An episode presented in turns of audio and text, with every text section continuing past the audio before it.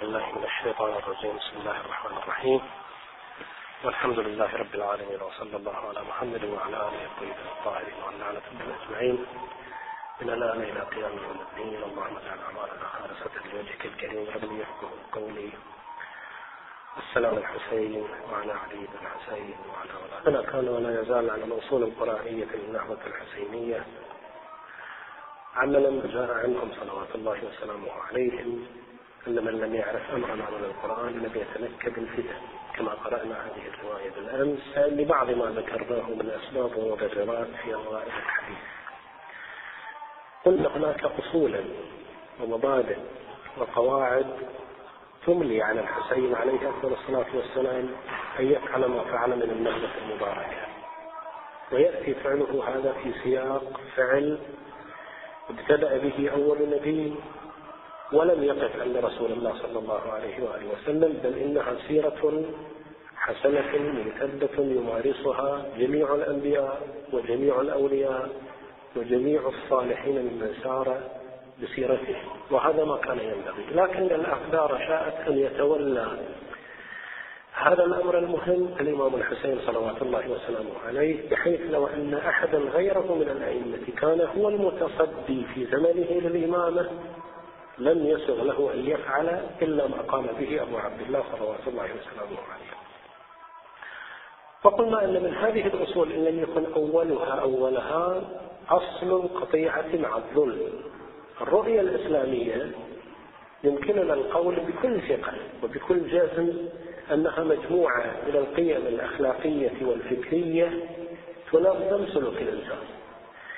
هذه القيم الأخلاقية تصب في مصلحة صنع خليفة لله على هذه الأرض. هذا الخليفة هو من تتجسد فيه قيم التقوى. قيم التقوى تتنافى تماما مع الظلم. الله سبحانه وتعالى ماذا يقول؟ طبعا حينما نطلب من الإنسان أن يقاطع الظلم والظالمين يعني أن ينحاز إلى فئة العدل والعدول. هذا ما ينبغي أن يكون عليه. يا أيها الذين آمنوا اتقوا الله وقولوا قولا سديدا لأن القول غير السديد ظلم. ظلم للنفس ظلم للحقيقة ظلم للآخرين. كذلك ولا يجرمنكم شنآن قوم على أن لا تعدلوا اعدلوا هو أقرب للتقوى فإذا الظلم يبعد الإنسان عن التقوى وإذا بعد الإنسان عن التقوى هبط من سلم الفضلاء عند الله عز وجل. لأنه سبحانه وتعالى يقول إن أكرمكم عند الله أتقاكم. فالسلم التقوى كلما ارتقى الإنسان فيه كلما بعد بنفسه عن التقوى. عن الظلم والظالمين لذلك المسألة نسبية كما سنلحظه بعد قليل. ذكرنا أيضا أن أفعال الناس إما أن تدخل ضمن الأفعال الحسنة أو ضمن الأفعال القبيحة والتي قد يحددها الغاية والقصد الذي يحدو بالفاعل أن يفعل ما فعل. لذلك العلماء يقولون الحسن تارة يوصف به الفعل سلوك وتارة يوصف به الفاعل. يقولون حسن في الفعل وحسن في الفاعل. لأقرب الفكرة أضرب مثال. حينما يأتي المؤمن المتقي القاصد التقرب إلى الله سبحانه وتعالى ويشيد مستشفى في منطقة محرومة أو في منطقة من المناطق السكنية التي تحتاج إلى مستشفى. نقول الفعل حسن والفاعل حسن لأن قصده خير. لكن لو تصدى لهذا الفعل شخص له نية سيئة أراد أن ينال ويحظى بشهرة اجتماعية. المستشفى تشييده حسن لكن الدوافع التي من أجلها شيد هذا المستشفى ليست حسنة. الدوافع من إيه؟ الدوافع من دكة في في فعل في الفاعل نفسه. الفعل حسن لكن الفاعل قبيح. وأحيانا تنعكس. الفاعل خير يريد أن يفعل فعلا حسنا لكنه جاهل. لا يحسن أن يتصرف التصرف الجيد. ذاته حسنه لكن فعله قبيح. مثل الاحمق لا تستشر الاحمق فإنه يريد أن ينفعك فيضرك. هو في حد ذاته راغب في الخير لكن لأنه جاهل يسيء التصرف ويعطي نصيحة في غير موردها هذا أشرنا إليه بإيجاز في جلسة الأمس. نكمل الحديث اليوم عن ما جعله الإمام الحسين صلوات الله وسلامه عليه شعار وداعي من دواعي نهضته. ألا ترون إلى الحق لا يعمل به وإلى الباطل لا يتناهى عنه. وروى في هذا الصدد حديثا عن رسول الله صلى الله عليه وآله وسلم أنه قال: من رأى منكم سلطانا جائرا إلى يعمل في عباد الله بالإثم والعدوان فلم يغير عليه بفعل ولا قول كان حقا على الله أن يدخله مدخله. هذا كان إطار عام يدفع بالإمام الحسين صلوات الله وسلامه عليه أن يحول بين هذا الظالم والظلم وأن يرسي قواعد العدالة يقول وأنا أحق من غير. أنا أمين على شرع الله وشريعته. أنا أجدر الناس بأن يتصدى لهذه المهمة التي يعجز عنها غير الإمام الحسين صلوات الله وسلامه عليه. ذكرنا أن الظلم هو وضع الشيء في غير محله. فقد يصدق على الشعور. يعني لو أن أحدا أحب أحدا لا يستحق المحبة. إحنا نعتقد أن فروع الدين واللي هي الحقيقة تدخل ضمن أصول الدين. الحب والبغض. هل الدين إلا الحب؟ لما يأتي أحدهم ويقول أنا أحب أهل البيت. يكون من المؤمنين. ولو أن شخصا نعوذ بالله قال أنا أعادي أهل البيت. خرج من ربقة الإسلام. أحب الله من أحب حسينا. لأن يترتب على هذه المحبة سلسلة من الأفعال. الذين لا ينصرونه يكشفون بمقدار التخلي عن نصرته عن مقدار من قلة محبته والمسألة فردية يعني هناك مرحلة يصل فيها صفر.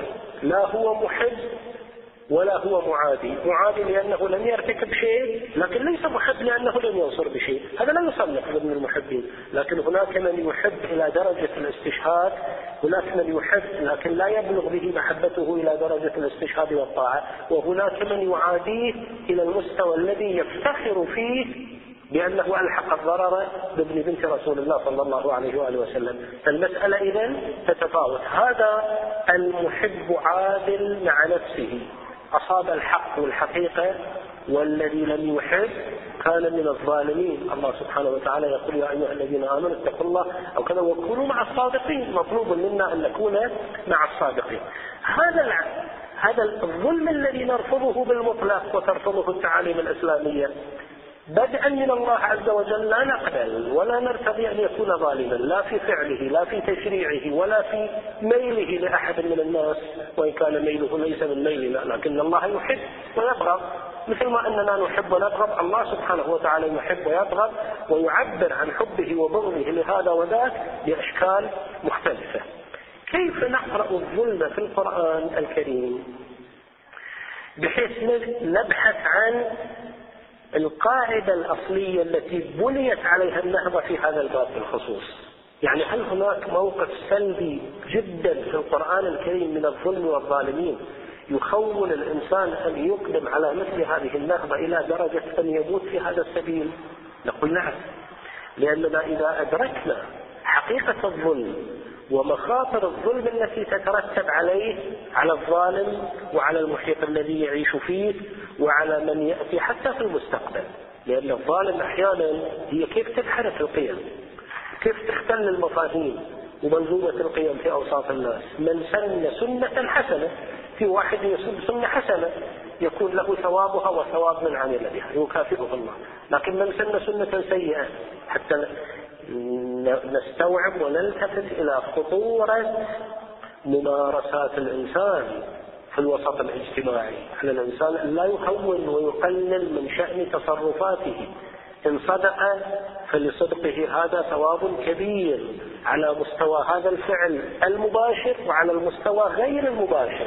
لأن الأب والأم حينما يكونان صادقين هما يزرعان قيمة الصدق في نفس الطفل. والمعلم حينما يكون صادقا يزرع قيمة الصدق من حيث يريد ومن حيث لا يريد في نفوس الطلاب ومدير الدائرة ورئيس المؤسسة والأمير والحاكم والملك والرئيس والخليفة. كل إنسان يتبوأ منصب من المناصب. الناس ينظرون إلى أقواله وأفعاله. ليس بالضرورة هو في مقام التعليم غير المباشر وإنما هو تعليم غير مباشر.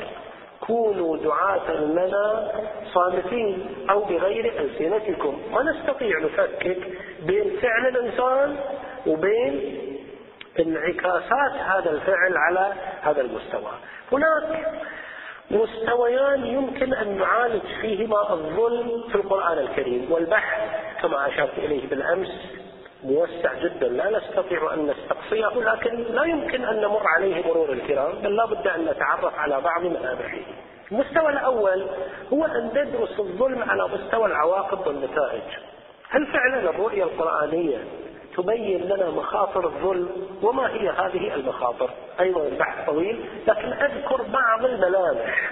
للظلم كما تصوره الآيات القرآنية. حتى نفهم لماذا كان الإمام الحسين صلوات الله وسلامه عليه شديدا في ردة فعله هذه إلى مستوى أن يخرج ويحظى بالشهادة في سبيل الله. هل, هل الظلم خطير بهذا المقدار؟ نقول نعم. الظلم يعني أن تبتعد عن مركز القرار الإلهي أن تبتعد عن ربك. هذا حقيقة الظلم بمعنى أن التواصل بينك وبين الله لا يكون سليما. توجه الأوامر من الله وتوجه النواهي من الله لكن هذا العبد لا يلتفت إليها. عن علم عن غير علم أيا كان. الملمح الأول من ملامح الظلم وقوع الإنسان في ممارسات الظلم ظلم هنا المعصية سواء كانت صغيرة أو كبيرة. نتكلم إن شاء الله الملمح السادس عن نسبية الظلم. لماذا مطلوب منا سارعوا إلى مغفرة من ربكم؟ المسارعة إلى المغفرة والمسارعة بالتوبة. لذلك يقولون التوبة من الواجبات الفورية. مثلا صلاة الظهر صلاة المغرب.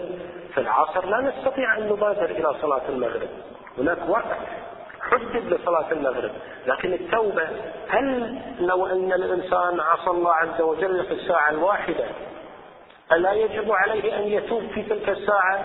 يجب عليه أن يتوب في الساعة السادسة؟ لا. أولا لا يجوز له أن يقع في المعصية. بمخالفة أمر الله ولا بمخالفة ما نهى الله سبحانه وتعالى عنه. يعني لا يترك واجب ولا ولا يقع في معصية. لا يجوز له أن يفعل شيئا من ذلك ولو فعل وجب عليه المبادرة للاستغفار. وإلا التراخي في الاستغفار والتوبة يعتبر إصرار على المعصية. يعني كأنه لا يعترف هو لا يعترف بين يدي الله أني وقعت في خطأ من الخطايا. طبعا المسألة كبيرة يترتب عليها شيء كبير. الملمح الأول للظلم هو الحرمان من الهداية. يعني الله سبحانه وتعالى يقول الظالمون محرومون من الهداية. ليه؟ الهداية ماذا تعني؟ الهداية تفسر بتفسيرين. ترى الهداية تفسر بمعنى الإراءة الكشف والتعريف بالشيء. والهداية تفسر أيضا بمعنى الدلالة العملية على المطلوب. ويضرب لذلك مثال لو أن كفيفا من المكفوفين أرادك أن أو أن شخصا أجنبيا عن بلدك سأل عن بيت من بيوت البلد صارت تقول له بيت فلان تجده في الجهة اليمنى من الشارع وأحيانا نسميه إراءة. هديته إلى البيت. وهذا مستوى من مستويات التعريف والهداية. لكن هناك مستوى أفضل.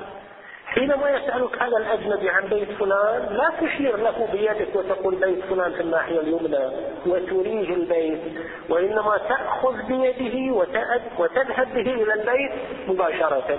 تدله دلالة عملية. أيهما هو الأفضل؟ طبعا النحو الثاني أفضل لأنه أضمن من الوقوع في الخطأ. لاحظوا الحق سبحانه وتعالى ماذا يقول؟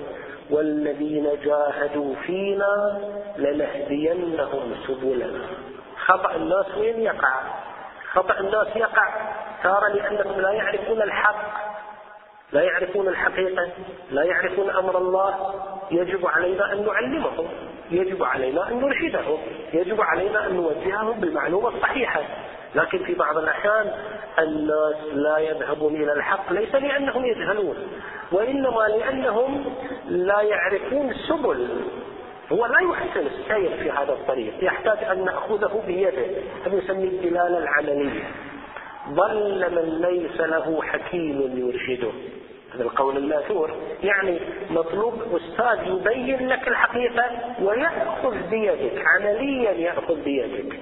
الله سبحانه وتعالى يريد أن يقول بمقدار ما ينأى الإنسان بنفسه عن الظلم الظلم بمعنى المعصية بشكل عام. كلما كنت أيها الإنسان ذكرا كنت أو أنثى أحرص على الابتعاد عن المعصية كلما تيسرت لك سبل الهداية الإلهية.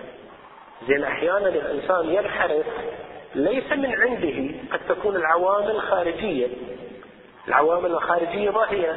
من العوامل الخارجية السلطان الظالم.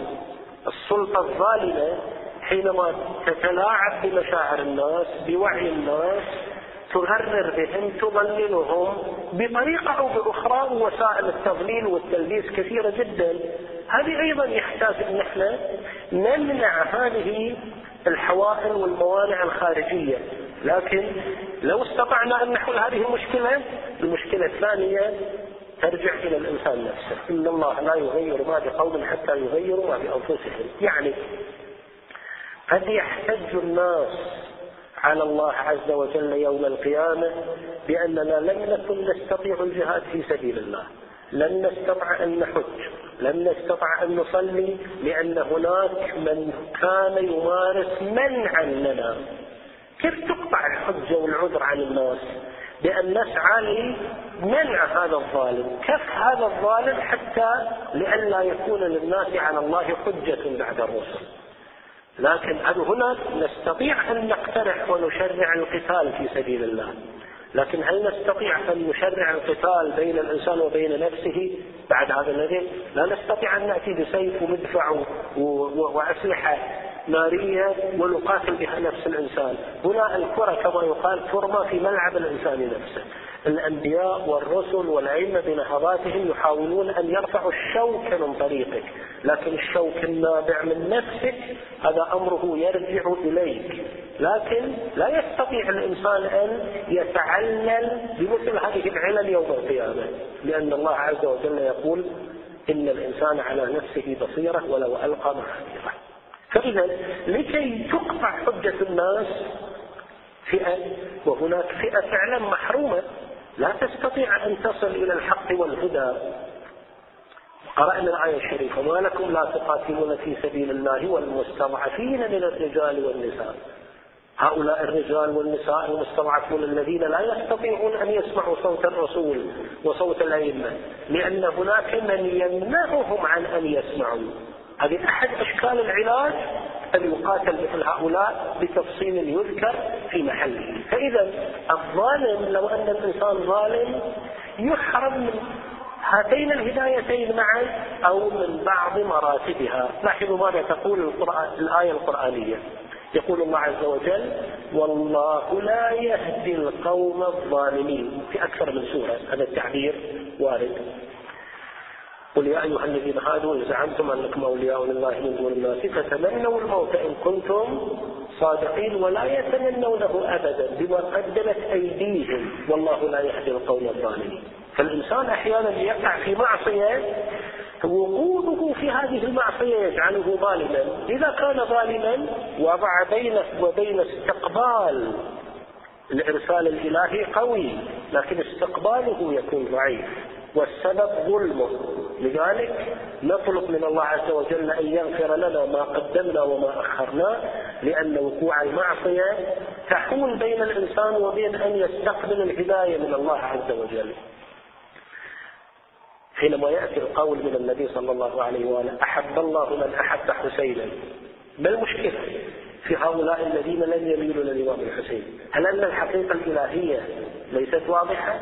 رسول الله نطق بهذه الإعلانات بهذه المواقف بهذه الآيات والروايات النازلة من عند الله عز وجل في كثير من المواضع.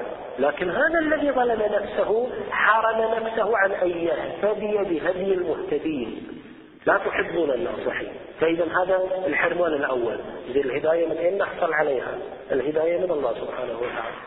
اهدنا الصراط المستقيم.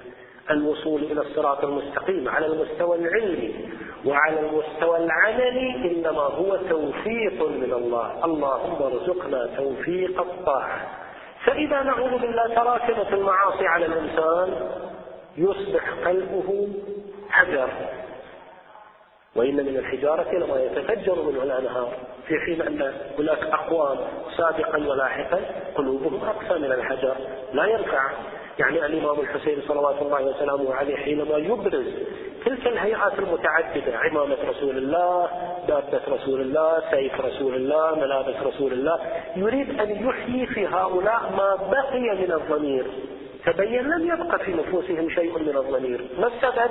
الظلم الذي وقعوا فيه. هذا الظلم يحول بينهم وبين أن يكونوا من المهتدين. هذا ملمح ملامح الظلم لذلك الظلم خطر. ولذلك الظلم بكل مستوياته تسعى الشريعة الإسلامية لرفعه على اختلاف مستويات هذا الظلم بتفاصيل طويلة وعريضة. ذكرنا أن الظلم معناه واسع وعرضه عريض. الملمح الثاني من ملامح الظلم في القرآن الكريم البعد عن الله عز وجل. الذين يقعون في الظلم ليسوا فقط لا يفلحون. ولا ينالون من الله سبحانه وتعالى الخير وليش أصلا لا يفلحون؟ لأنهم بعيدون عن الله عز وجل. كلما ساروا في طريق الظلم ابتعدوا عن الله عز وجل، إذا كان استقباله في المحطة الأولى ضعيف فكلما اوغل في فعل المعصية كان أبعد عن الله عز وجل. يروي المؤرخون أن يزيدا عليه اللعنة. قال للإمام السجاد صلوات الله وسلامه عليه هل لي من توبة؟ ماذا قال كما يروي المؤرخون؟ إن تبت تاب الله عليك. علقها الإمام يقول يقول إن تبت. لكن هل مثل يزيد يوفق للتوبة تقطعت الجسور بينه وبين الله حتى يحظى بشيء من مثل هذه التوبة. هذا الإنسان البعيد عن الله نتيجة ظلمه أو إذا أصر الإنسان على الظلم يصبح أبعد عن الله عز وجل. كل خطوة معصية كل خطوة ظلم يمارسها والظلم مراتب يكون أنأى بنفسه قد نأى بنفسه عن الله ويكون أبعد. وبالتالي الآية القرآنية تقول إن الله عز وجل لا يحب الظالمين. زين إذا الله سبحانه وتعالى لم يحب الظالم. من أين يأتي الخير للإنسان الظالم؟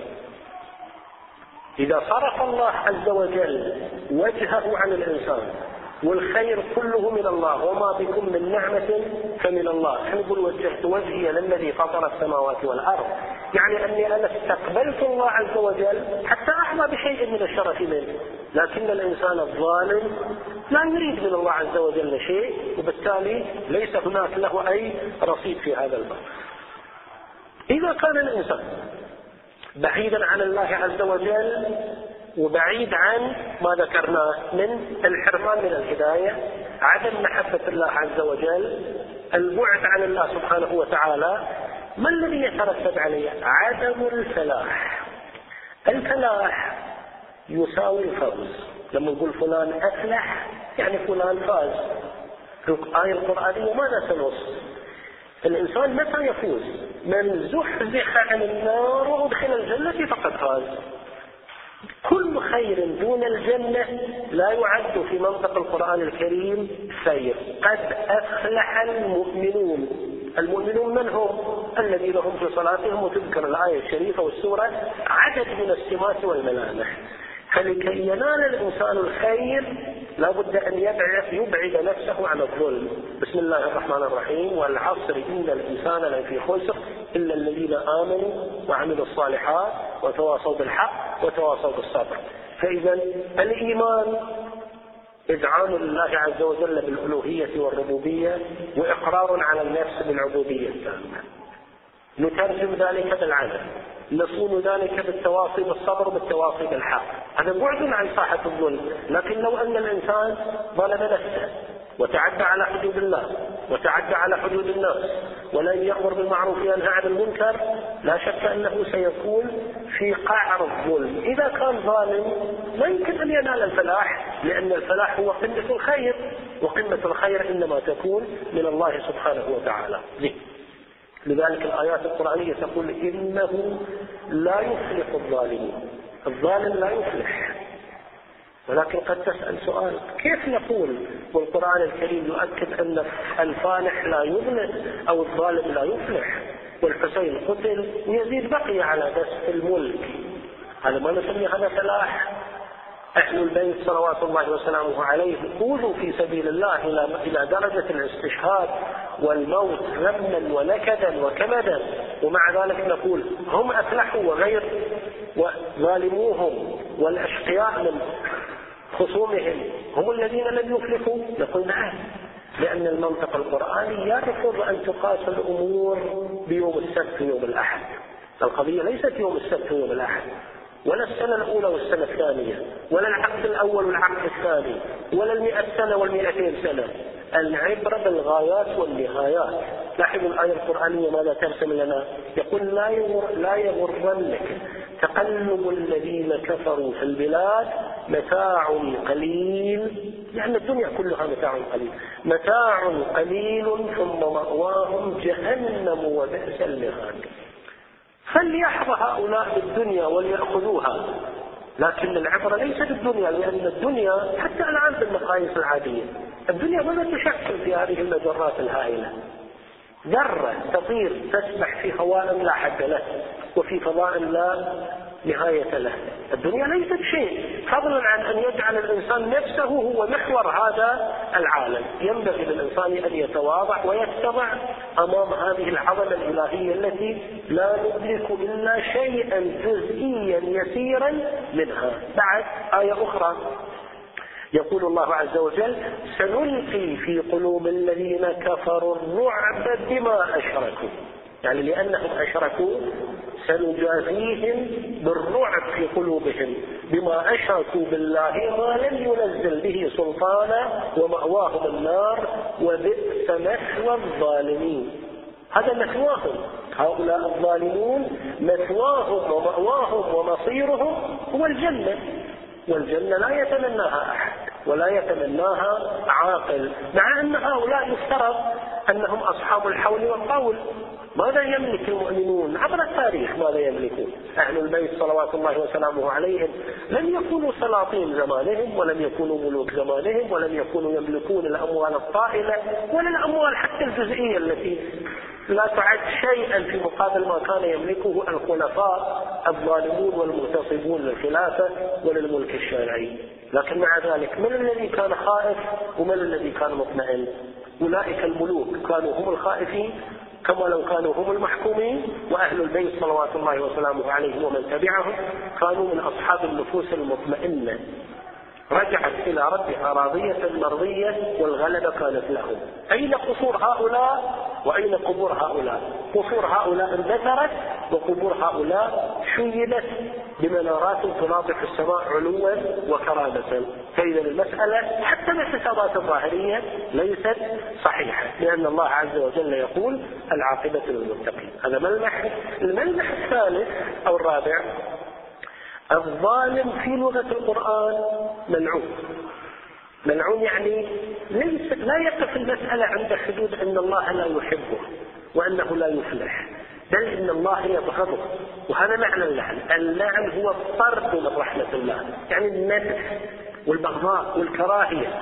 الله سبحانه وتعالى يكفي أن يفشل الإنسان أن لا يحبه الله. أما إذا ابتلي الإنسان بأن الله يبغضه وأن الله يلعنه فالمسألة هنا تتضاعف بشكل كبير جدا.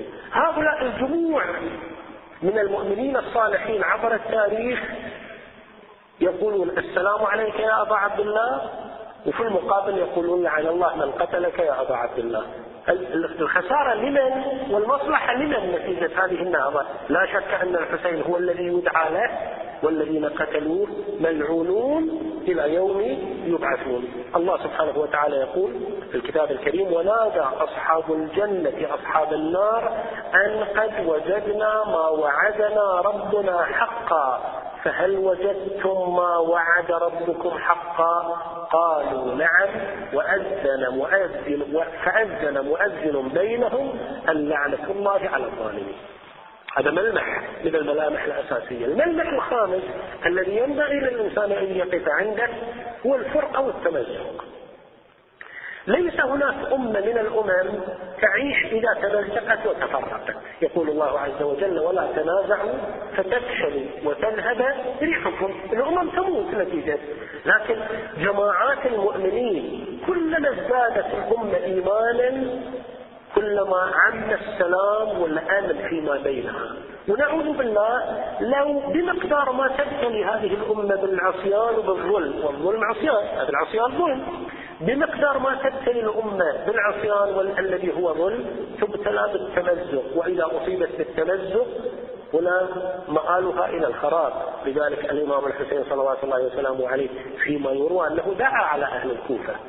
يعني عليهم بالتمسك فعلا ولا ترضي عن الولاة عنهم أبدا وعانوا في هذا السبيل الكثير إلى أن انقلبت الآية. الله سبحانه وتعالى يقول وكذلك نولي بعض الظالمين بعضا بما كانوا يكسبون. لأن هؤلاء ظالمين أو ظالمون يوليهم الله سبحانه وتعالى بعضا، الظالم إذا تولى على الظالم سيمعن في إيقاع الظلم به حفاظا على مصالحه ولو على حساب مظالم أو مصالح الآخرين. هذه ملامح خمسة لكن نضيف إليها ملمح سادس لأنه قد يثير بعض الالتباس. هو أن هذه الآثار التي ذكرناها للظلم هل تعني جميع الظالمين أو أنها خاصة ببعض الظالمين؟ لأن ما دام نقول أن الظلم مراتب وهو الملمح السادس. الظلم مراتب إذا ساوينا بين الظلم والمعصية لا يمكن أن نقول أن كل الآثار السلبية التي ذكرت في القرآن الكريم واستعرضنا جملة منها تشمل جميع الظالمين لأن بعض مراتب الظلم وقع فيها بعض الصالحين وبعض الأولياء بل حتى بعض الأنبياء وقعوا في حالات من الظلم لأن الظلم كما ذكرنا ما هو؟ وضع الشيء في غير موضعه. القرآن الكريم يذكر لنا عدد من الأنبياء وجه الله سبحانه وتعالى إليهم أوامر والعلماء في المدرسة الإمامية يحملونها على أوامر إرشادية يعني توجيهات. لكن هذا الذي وجه إليه الأمر لم يعمل على وفق توجيه الله عز وجل. سميه ظلم نفسه ولا ما ظلم؟ نعم. ظلم نفسه لكن دون تلك المرتبة التي يصنف فيها ضمن العصاة لأننا افترضنا أنه معصوم. يقول الله سبحانه وتعالى عن آدم لاحظوا ماذا يقول؟ لأن المراتب يقول قال آدم وحواء قالا ربنا ظلمنا أنفسنا وإن لم تغفر لنا وترحمنا لنكونن من الخاسرين. لأن الظلم يساوي الخسارة. لكن في الوقت أيضا هناك مثال آخر أذكره ويا آدم بعد أن قال يا آدم اسكن أنت وزوجك الجنة فكلا من حيث شئتما رغدا أو من حيث شئتما ولا تقربا هذه الشجرة فتكونا من الظالمين. في ذنون أو في ذنون نفس المورد وذنوني إذ ذهب مغاضبا فظن أن لن نقدر عليه فنادى في الظلمات أن لا إله إلا أنت سبحانك إني كنت من الظالمين. هنا الظلم هذا معصية نعوذ بالله ظن النبي آدم على المشهور نبي لا يتصور وقوعه في المعصية لكن الآيات تنص على أنه ظلم نفسه. يقول نعم. ظلم نفسه غير ظلم حق الله عز وجل كما سنأتي على ذكره. المعصية هي أن نتعدى على حق الله. أما إذا تعدينا على حق أنفسنا دون أن نقع في مخالفة أمر الله عز وجل لا نسمي هذا معصية لأنه مخالفة لأمر إرشادي. لكن مسألة تراتبية ونسبية الظلم الآيات القرآنية تؤكد على أن هناك ظالم وهناك أظلم. فمن أظلم ممن افترى على الله كذب وآيات عديدة لئلا يطول الوقت. لا أستعرضها. زين. بعد مراتب الكمال الآيات القرآنية صريحة فيها. لا تريد إلا شخصا أخلص لله فاستخلصه الله. اصطفاه الله اصطفاء تاما. إبراهيم لما أراد الله عز وجل أن يكافئه بعد تلك الرحلة التكاملية العالية قال إني جاعلك للناس إماما. قال ومن ذريتي؟ أجابه الله. لكن استسلف قال لا ينال عهد الظالمين. الأبناؤك من ذريتك. هؤلاء الظالمون لا يمكن أن يكونوا واحدين بس. يعني أن في ذرية إبراهيم عليه السلام عدد من الكمل سيكونون من أهل الجدارة والاستحقاق لأن يكونوا أئمة للناس على حد إمامة إبراهيم التي حظي بها بعد النبوة والحسين صلوات الله وسلامه عليه واحد منهم. هذا مستوى من مستويات معالجة القرآن الكريم للظلم على مستوى آثاره عواقبه الوخيمة. لكن هناك مستوى ثاني أذكر بعض سمات الظالمين هنا. يعني كيف نتعرف على الظالم؟ خصوصا الظلمة في المراحل العليا التي وجدنا الإمام الحسين صلوات الله وسلامه عليه انتفض في مقابلهم. السمة الأولى للظالم التخلي عن تطبيق أحكام الله. لا يعنيه أن يطبق أحكام الله عز وجل. لأنه لا يعتقد في قرارة نفسه بأن الألوهية المطلقة لله ذاك الاعتقاد الراسخ الذي يترجمه عمليا. والآيات القرآنية تقول ومن لم يحكم بما أنزل الله فأولئك هم الظالمون. آية أخرى الفاسقون الفاسقون الآية الثالثة تقول الكافرون. فإذا أحد أشكال الظلم التخلي عن تطبيق أحكام الله عز وجل. وما من شك أن الذين استولوا على حق أهل البيت صلوات الله وسلامه عليهم في الخلافة الظاهرية ما من شك أنهم تخلوا عن تطبيق أحكام الله. وأول هذه الأحكام التي خالفوها في التطبيق هو عدم تسليم الأمر لمن كلفهم الله عز وجل أن يسلموا الأمر إليه، هذه سمه من سماتهم طبعا حتى العصاة في مرتبة أقل أيضا لا يطبقون أحكام الله لأن يعني كل عاصي هو يتمرد على الله عز وجل بنسبة من النسب لكن هناك من يتمرد على الله كليا هناك من يتمرد على الله في أغلب الأحكام هناك من يتمرد على الله في نصف الأحكام هناك من يتمرد على الله في بعض الأحكام إلى غير ذلك هل يكتفي الظالم بهذا؟ نقول لا الآيات القرآنية تؤكد على أن الظالمين ومنهم الذين نهض الإمام الحسين صلوات الله وسلامه عليهم في وجههم. لم يكتفوا بأنهم لم يطبقوا حدود الله عز وجل وتعدوا حدوده بل مارسوا عملية افتراء على الله. لأن كيف يبرر الظالم أمام الناس خروجه عن أحكام الله عز وجل؟ يفتري يفتعل ويضع أحكام يضع روايات يفتعل السنن ينسبها إلى الله سبحانه وتعالى وإلى الرسول ويقول أن هذه هي أحكام الله سبحانه وتعالى، طبعا هنا هذه المرتبة أعلى من المرتبة الأولى، لأن هذه فيها الفرع وفيها زيادة، زين؟ ماذا تقول الآية الشريفة؟ فمن افترى على الله الكذب من بعد ذلك فأولئك هم الظالمون هذا الافتراء الكذب يعني نسبة شيء لله وهو يعلم أنه ليس من الله لا عنده آية لا عنده رواية ثابتة وصحيحة ومع ذلك يقول لذلك لاحظوا نحن في منطقنا الإسلامي ليس لنا أن نعلي من قدر شخص لم يعلي الله قدره ولا وليس لنا أن نقلل من شأن من أعلى الله قدره. لذلك نحن في الزيارة نقول واللي أنزلهم من مراتبهم التي رتبهم الله فيها. هذه أحد وجوه خلافنا مع الآخرين هو أن الآيات والروايات نطقت بأن لأهل البيت مستوى ليس لأحد أن يتعدى على حق الله عز وجل في تنزيل هؤلاء من رتبتهم. هذه سمة من السمات أيضا لا يكتفي هؤلاء الظالمون بعدم تطبيق أحكام الله بل ولا بالافتراء على الله بل بالتحدي والتمادي بتكذيب آيات الله عز وجل وبيناته. آيات الله قد تكون نفسا قرآنيا قد تكون آية نازلة أو رواية جاءت على لسان رسول الله مما اتفقت الأمة على روايته ولذلك الإمام الحسين صلوات الله وسلامه عليه ومن قبله أمير المؤمنين عليه أفضل الصلاة والسلام كان يحتج على مخالفيه. اسألوا فلان اسألوا فلان أنا ألم يقل في رسول الله كذا ألم يقل كذا؟ لأن هذه إدانات. مع ذلك الجماعة كانت آذانهم صماء. لا نفقه مما تقول شيئا. مو لا يفقهون مما هم لا يريدون أن يفقهوا. هم يمارسون عملية تحدي في هذه المواجهة للإمام الحسين صلوات الله وسلامه عليه. لذلك الآيات القرآنية تأتي للرسول الأكرم صلوات الله وسلامه عليه. وكذلك للأئمة وللمؤمنين. لا تجعلوا من هذه المعارك شخصية. يعني نقرأ في سيرة الإمام الحسين أنه كان يبكي وقيل له مما بكاء قال أبكي لهؤلاء يدخلون النار بسببي.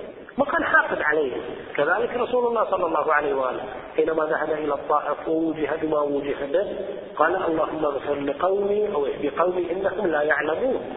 يعني المؤمن السائر بسيرة الرسول وأهل البيت عليهم أفضل الصلاة والسلام يتحمل مسؤولية بينه وبين نفسه بينه وبين الله مسؤولية إصلاح الآخرين. ليست القضية قضية حقد وكراهية تجاه الآخرين لكن يؤسفنا حتى لا لأن المعركة ليست بيننا وبينهم حتى نعقد عليهم المعركة بينهم وبين الهدى بينهم وبين العدل بينهم وبين القسط. لكن أنا وأنت لأننا انحزنا إلى دائرة العادلين أو دائرة العدول والمقسطين نسعى لأن نرفع من ظلم هؤلاء ونحول بينهم وبين تكريس هذا المشروع السيء. لذلك الآية القرآنية تأتي وتوافي رسول الله فتقول قد نعلم إنه ليحزنك الذي يقولون هذا افتراء مزعج. لكن فإنهم لا يكذبونك.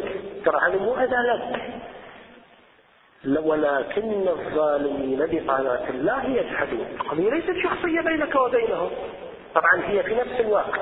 تريد أن تبين أن هؤلاء بلغوا درجة عالية من الظلم لكن مع ذلك المسألة ليست شخصية. حتى نعوذ بالله لا يصير هناك نوع من أنواع رد الفعل النفساني الشخصي. وبالتالي كيف ربانا أهل البيت صلوات الله وسلامه عليهم؟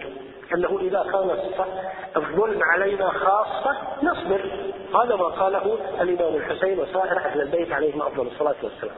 السمة الرابعة لهؤلاء الظالمين هو أنهم لا يكتفون أيضا. لا بعدم التطبيق ولا بالافتراء على الله ولا بالتحدي والتكذيب بل عمليا يمارسون عملية ظلم وتعدي على حقوق الناس. إذا نزلنا من مستوى الله سبحانه وتعالى على مستوى عباد الله لأن عباد الله المؤمنين هم حماة الشرع الفقهاء حصول الإسلام. شو يسوي الظالم؟ ما استطاع أن يقوض الدين يروح يسعى إلى تقويض المتدينين. لأن والسبب ما هو؟ السبب هو أن هذا المتدين انحاز إلى مشروع غير مشروع وبالتالي ندا له الآية القرآنية تقول تضع حد وتضع حق لهؤلاء المؤمنين ولا تطرد الذين يدعون ربهم بالغداة والعشي يريدون وجهه. ما عليك من حسابهم من شيء وما من حسابك عليهم من شيء فتطردهم فتكون من الظالمين. يعني حذاري أيها الأنبياء أيها الأولياء أيها الناس أن تتعاملوا مع الناس بلغة الفقر والغنى. بل ينبغي أن تتعاملوا معهم بلغة الإيمان والكفر بلغة العدل والظلم بلغة القصد والعدالة. إذا كانت اللغة هي هذه لا قيمة لثراء الثري ولا مشكلة مع فقر الفقير. الظالم يدوس على هذه المسألة. وإنما يطبق أحكام الله انتقائيا ما يصب في مصلحته يطبقه على من؟ على الفقراء والمستضعفين لكن الأغنياء والأثرياء يستثنونهم من أحكام الله ومن شرعه وشريعته طبعا لهذا جذور طبعا عدوان هؤلاء لا يقف عند حدود الضرب والإيذاء بل يتجاوزه إلى مستوى القتل والتصفية كما هو عبر التاريخ بدءا من هذه الوقابيل إلى يومنا وإلى أن يشاء الله سبحانه وتعالى أمرا كان مفعولا. لأن السمة لهؤلاء وإذا تولى في الأرض أو إذا تولى سعى في الأرض ليفسد فيها ويهلك الحرث والنسل والله لا يحب الفساد. هذه سمة من سمات هؤلاء. موقفنا ما هو؟ الإمام صلوات الله وسلامه عليه يضع لنا من خلال النهضة الحسينية.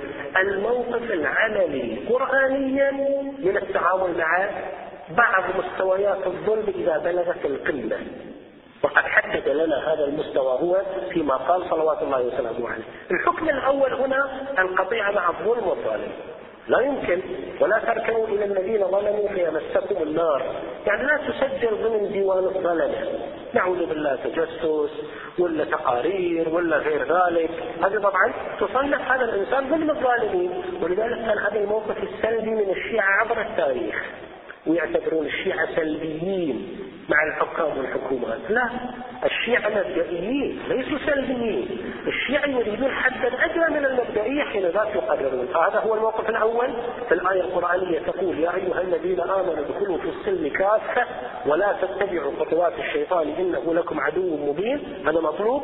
زي شو مطلوب آية قرآنية تقول وإذا رأيت الذين يخوضون في آياتنا فأعرض عنهم حتى يخوضوا في حديث غيره وإما ينسينك الشيطان فلا تقعد بعد الذكرى مع القوم الظالمين. هذا حكم لكن قد يكون ظلم الظالم لا يكفي فيه التعليم والإرشاد والتوجيه والأمر بالمعروف والنهي عن المنكر بل لا بد فيه من الفعل والتنفيذ. والآية القرآنية تقول وما لكم لا تقاتلون في سبيل الله والمستضعفين من الرجال والنساء والولدان الذين يقولون ربنا أخرجنا من هذه القرية الظالم أهلها واجعل لنا من لدنك وليا واجعل لنا من لدنك نصيرا. هذا النصير هم المؤمنون الذين يحملون على عواتقهم إحقاق الحق وإقرار العدل وإبطال الباطل وفي ذلك الحسين صلوات الله وسلامه عليه أسوة لنا. لذلك أقرأ قوله حينما طلب منه أن يبايع قال صلوات الله عليه حينما دعاه الوليد عامل يزيد على المدينة قال إنا أهل بيت النبوة ومعدن الرسالة بنا فتح وبنا ختم أو بنا فتح وبنا ختم ويزيد فاسق فاجر شارب الخمر قاتل النفس المحترمة معلن بالفسوق والفجور ومثلي لا يبايع مثله. يزيد بهذا المستوى بهذا التوصيف ليس شخصا يستحق أن تقدم له البيعه من شخص مثل الحسين صلوات الله وسلامه عليه حامي حمى الإسلام والإيمان وكذلك أيضا الإيمان يشرح في نص آخر يقول ألا وإن هؤلاء قد لزموا طاعة الشيطان. حتى يقول هل هناك فرق بين فترة يزيد وبين فترة معاوية وبين فترة من سبق؟ ذكرنا بالأمس أن هناك فرق من حيث الشكل ليس من حيث المضمون. يقول عليه السلام ألا وإن هؤلاء قد لزموا طاعة الشيطان يعني مو فقط مقارنة مرة واحدة. لزموا طاعة الشيطان وتركوا طاعة الرحمن وأظهروا الفساد وعطلوا الحدود واستأثروا بالفيء وأحلوا, وأحلوا حرام الله وحرموا حلاله وأنا أحق من غير بلغت المشكلة حتى استشرى لا يمكن للحسين أن يسكت وإلا لن يبقى من الإسلام شيء. لذلك يقول صلوات الله وسلامه عليه وعلى الإسلام السلام إذ بليت الأمة ذراع مثل يزيد صلى الله عليه يا أبا عبد الله. لعن الله من قتلك وجعلنا الله من الآخرين بثارك مع إمام معصوم من أهل بيتك. وصلى الله على محمد وآله الطيبين الطاهرين